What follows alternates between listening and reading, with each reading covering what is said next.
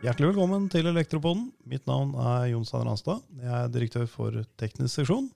Og i dag så har jeg med meg min eh, kollega Marie. Hallo. Hallo.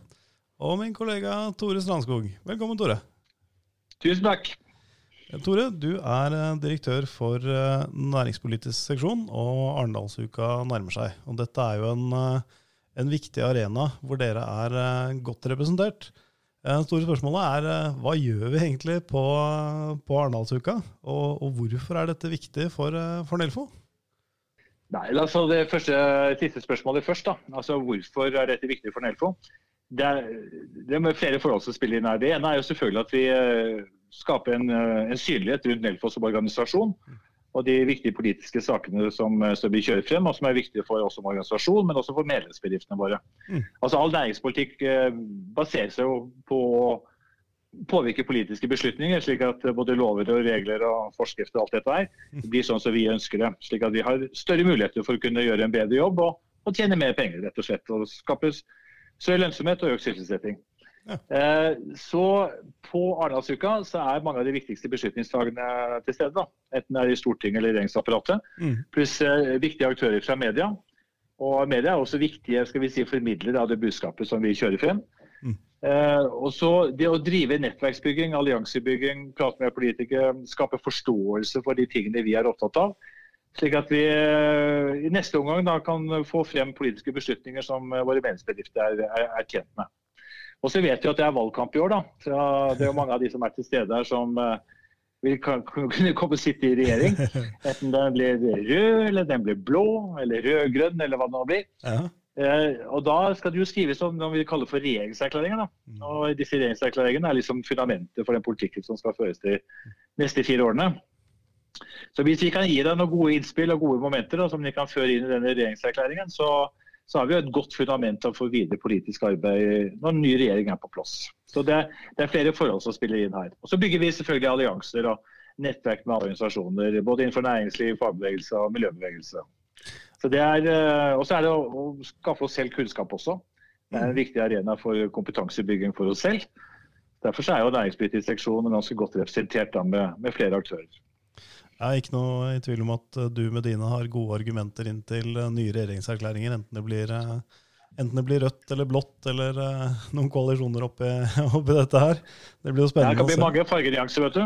ja, ja, jeg har skjønt det ut ifra- mediene, så det kan bli, det kan bli spennende. Men det er klart Det jeg drar ut av der, er jo Jeg har vært med én gang, en gang tidligere, og det er jo alt på ett fat. Altså, alle samles jo i, i den gryta, og det, det er kort vei til å snakke med folk. Og, nettverksbygging er relativt sett enkelt og hurtig når man, eh, når man er i Arendal. Man har alle på ett sted, vet du. Det er sånn eh, 150 eh, Ole Brumm snakker om 100-meterskogen, men vi har sånn 150 meters bryggearena. Ja? Hvor, eh, hvor alle holder til, enten å ha møter og diskusjoner og spasere forbi. Så Det er veldig enkelt å slå av en prat, og så er folk innstilt på at eh, man er der for nettopp for å møtes og for å slå av en prat. Så bra. Eh, Men vi skal, ikke, vi skal ikke bare prate med én og én. Vi skal også ha noen eh, arrangementer under, eh, under Arendalsuka. Eh, Vi har tatt en prat med, med Andreas Strømsheim Aamodt, og vi har tatt en prat med Odin Breitag om eh, to arrangementer som de eh, står i, står i bresjen for, altså Gigabit-samfunnet og elektrifisering av transportsektoren og, og nettselskapenes rolle. Og Det er jo spennende temaer. Mm. Du har jo du har ansvaret for, eh, for næringspolitiske satsinger, men også et arrangement her som går da på Europas grønne rehabiliteringsbølge, eh, oversatt på, på godt nynorsk. Eh, eh, jeg liker å kalle det green renovation wave, men man skal bruke, bruke norsk, ja, har jeg lært. Så, så spørsmålet er jo hva er eh, den grønne rehabiliteringsbølgen, og, og hva er det som driver, eh, driver den? Og hva, hva har det å si for oss? Det ble mange spørsmål, Tore, men jeg er sikker på at du klarer å besvare dette. Nei, altså Europakommisjonen de kom jo med et forslag i 2020 da, om en strategi da, for rehabilitering av bygg. Mm. Det som uh, du liker å kalle European Renovation Wave, altså på norsk heter det europeisk rehabiliteringsbølge. Ja. Eh, og så har vi jo tittet på dette forslaget til EU, da, og så har vi stilt oss spørsmålet kan vi i Norge hente inspirasjon fra dette forslaget. Og vi har jo konkludert med at eh, det kan vi så absolutt. Mm. Eh, og Det EU legger opp til, det er jo et redusert energibruk i eksisterende bygg. Så er jo helt nødvendig mm. dersom målet om netto utslipp i 2050 skal nås. Ja. Og Derfor så har man altså sagt i den europeiske planen at vi skal doble energirehabiliteringsraten til 2030. Og EU ser jo for seg at et sånt løft ikke er det, det er både bra for klimaet, men også for jobbskaping. De skal skape 160 000 nye grønne jobber.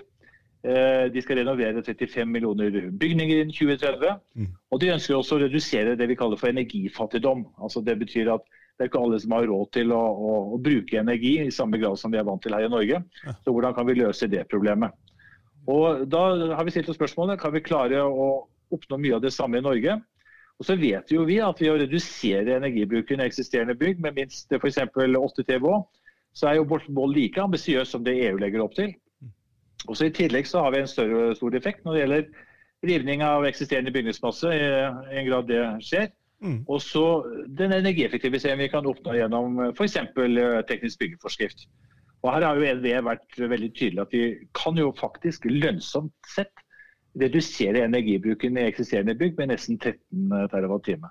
Og Det er ganske mye, og det betyr også mange jobber Eh, for vår bransje for å kunne få å nå et slikt mål. Ikke sant? Men sånn historisk sett, har Norge vært mer eller mindre ambisiøs enn EU?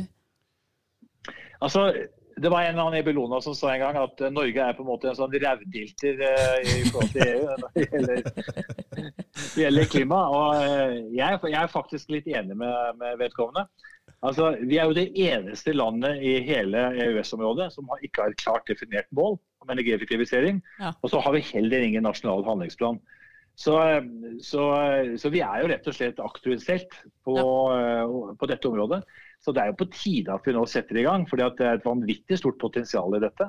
Og vi vet jo at det er mye billigere og mer lønnsomt å spare en kilowattime enn å produsere en kilowattime. Mm. Så, så, så her har vi fantastiske muligheter. Så nå er det slutt på å gå bakerst i bergenske buekorps og begynne å ta tak og rehabilitere bygningene for mer rasjonell energibruk? Ja, det er, og det, det, er jo det er helt fantastisk egentlig at de ikke har klart å, å, gjøre noe mer med det. Jeg husker jeg satt jo i Arnstad-utvalget for ti år siden. Eh, det var et regjeringsoppnevnt utvalg, og da ble vi enige om at vi kunne klare å, å redusere 10 TWh i bygg innen 2020. Dette var i 2010, da. Og Nå er vi eh, i 2020, og eh, fortsatt så har vi et mål om 10 TWh. Men vi ser jo at det er økende interesse for energieffektivisering. fordi at hvis vi skal produsere mer fornybar kraft, og det må vi jo, skal vi nå våre ambisjoner for å komme over i det, i det grønne samfunnet, eh, så, så, er jo ikke dette helt enkelt. Det er bråk om vindkraft. ikke sant? Det er mm. masse konflikter rundt dette. her. Mm. Det er bråk om å utbygge videre vannkraft. Mm. slik at det, kan vi si, det minst konflikt altså det som er mest konfliktfritt, da, ja. det er jo faktisk det å spare energien. Ja. Det er ingen som kommer til å gå i demonstrasjonstog altså, mot at vi rehabiliterer bygg. ikke sant? så, så, så, hvis politikerne skal få ta, liksom, ta de lavthengende fruktene, så er det jo nettopp på dette området de burde, burde satse. Også. I tillegg til selvfølgelig fornybar produksjon. Det var et interessant perspektiv. Ja, Men jeg lurer litt på hvordan man kan gjøre det, da. I dette arrangementet så skal vi vel snakke litt om eh, om eh, planene framover for denne rehabiliteringsbølgen som er spådd å nå norskekysten. Og da er det jo litt spørsmål om hvilke virkemidler vi skal ta i bruk i Norge for å klare denne her energibesparelsen, da. Ja. Nei, altså det, det som og her er altså det knippe av muligheter for å kunne gjøre dette her. Altså Fra vår bransje så er vi veldig opptatt av at vi må ha veldig fokus på tekniske tiltak. da. Altså, du kan skille mellom tekniske tiltak, som er liksom, uh, de såkalte aktive tiltakene, mm. som involverer tekniske entreprenører. Og så har vi de passive tiltakene som påvirker bygningskroppen. Da, og De er også viktige. Men eh, rehabilitering, uh, de tekniske tiltakene utgjør jo ca. 70% av kostnadene ved rehabilitering. slik at det er jo et større fokus på gode, mer rasjonelle tekniske løsninger i bygg. Eh, og så må vi skjerpe kravene til yrkesbygg. Eh, kanskje bør vi ha en egen teknisk byggeforskrift for rehabilitering. Det er også en av de tingene vi kommer til å diskutere. Eh, og så kan vi stille spørsmålet er dagens regelverk tilpasset til nye løsninger, altså den eksisterende tekken. Nå er den til revisjon, da. Så her vil det også komme en del nye løsninger også i TEK20 som nå er på høring.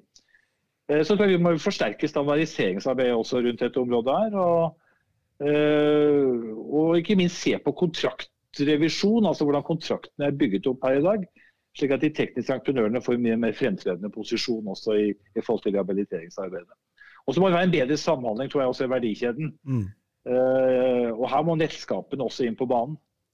Uh, og så må vi gi nettselskapene sterkere insentiver til å faktisk investere i disse løsningene. Og Da er vi inne på noe så komplisert som nettselskapenes kostnadsrammesystem og Ja. de insentivene som ligger der. Men Det blir for langt å dra det nå, da. Ja. Men, eh, men, eh, men det er, det er, det er mange, mange muligheter her og mange tiltak vi kan eh, bruke. Og så har vi selvfølgelig dette evig tilbakevendende problemstillingen rundt Enova. da. Hvorfor er ikke Enova med på banen når det gjelder disse spørsmålene? Og Det er jo bare å beklage at det er man ikke. Enova er, har liksom abdisert på området energieffektivisering. Ja. De er mer opptatt av at de store, liksom, prestisjetunge teknologiske prosjektene, som i seg selv kan være greit nok, men for energisparing, energieffektivisering for folk flest, så er de helt fraværende. Ja. Så en av de tingene vi kommer til å måtte diskutere, er hvilke alternativer har vi til Enova? Mm. Og Her vil det være mange muligheter og mange forslag. vil jeg tro. Det er en diskusjon som vi kommer til å ta ganske kraftig nå fremover. Spennende. Spennende. Eh, dette arrangementet går av stabelen under eh, Arendalsuka. Mm. Har du detaljene, Marie? Når og hvor? Ja, der er det jo Det er jo da neste uke. eh, Og mer informasjon kommer vi til å legge ut i episodebeskrivelsen. Så da blir, vil det ligge en link hvor man kan følge arrangementet online. Og så ligger det også informasjon om arrangementet til de som vil følge det live nede i Arendal. Ja, og dette er på Mør Biffhus nede i Pollen her. Det stemmer, for det er jo NHO sitt, sitt eh, miniatyrnæringslivets hus under Arendal-uka. Veldig bra. Det er det. Så det, er, eh, det der kommer til å bli mange spennende arrangementer, selvfølgelig i tillegg til våre. da. Det, det gleder vi oss til. Eh, Da sier vi bare tusen takk til deg, Tore, for innsikt i grønn rehabiliteringsbølge og næringspolitikk på Arendalsuka. Det var veldig hyggelig å være til stede her. så Da ønsker jeg dere en god helg. Dette er jo på fredag i dag, så god helg til dere begge. Det er det. I like måte. like måte. Takk for i dag. Ha det bra. Hei, hei. Ha det. Thank you.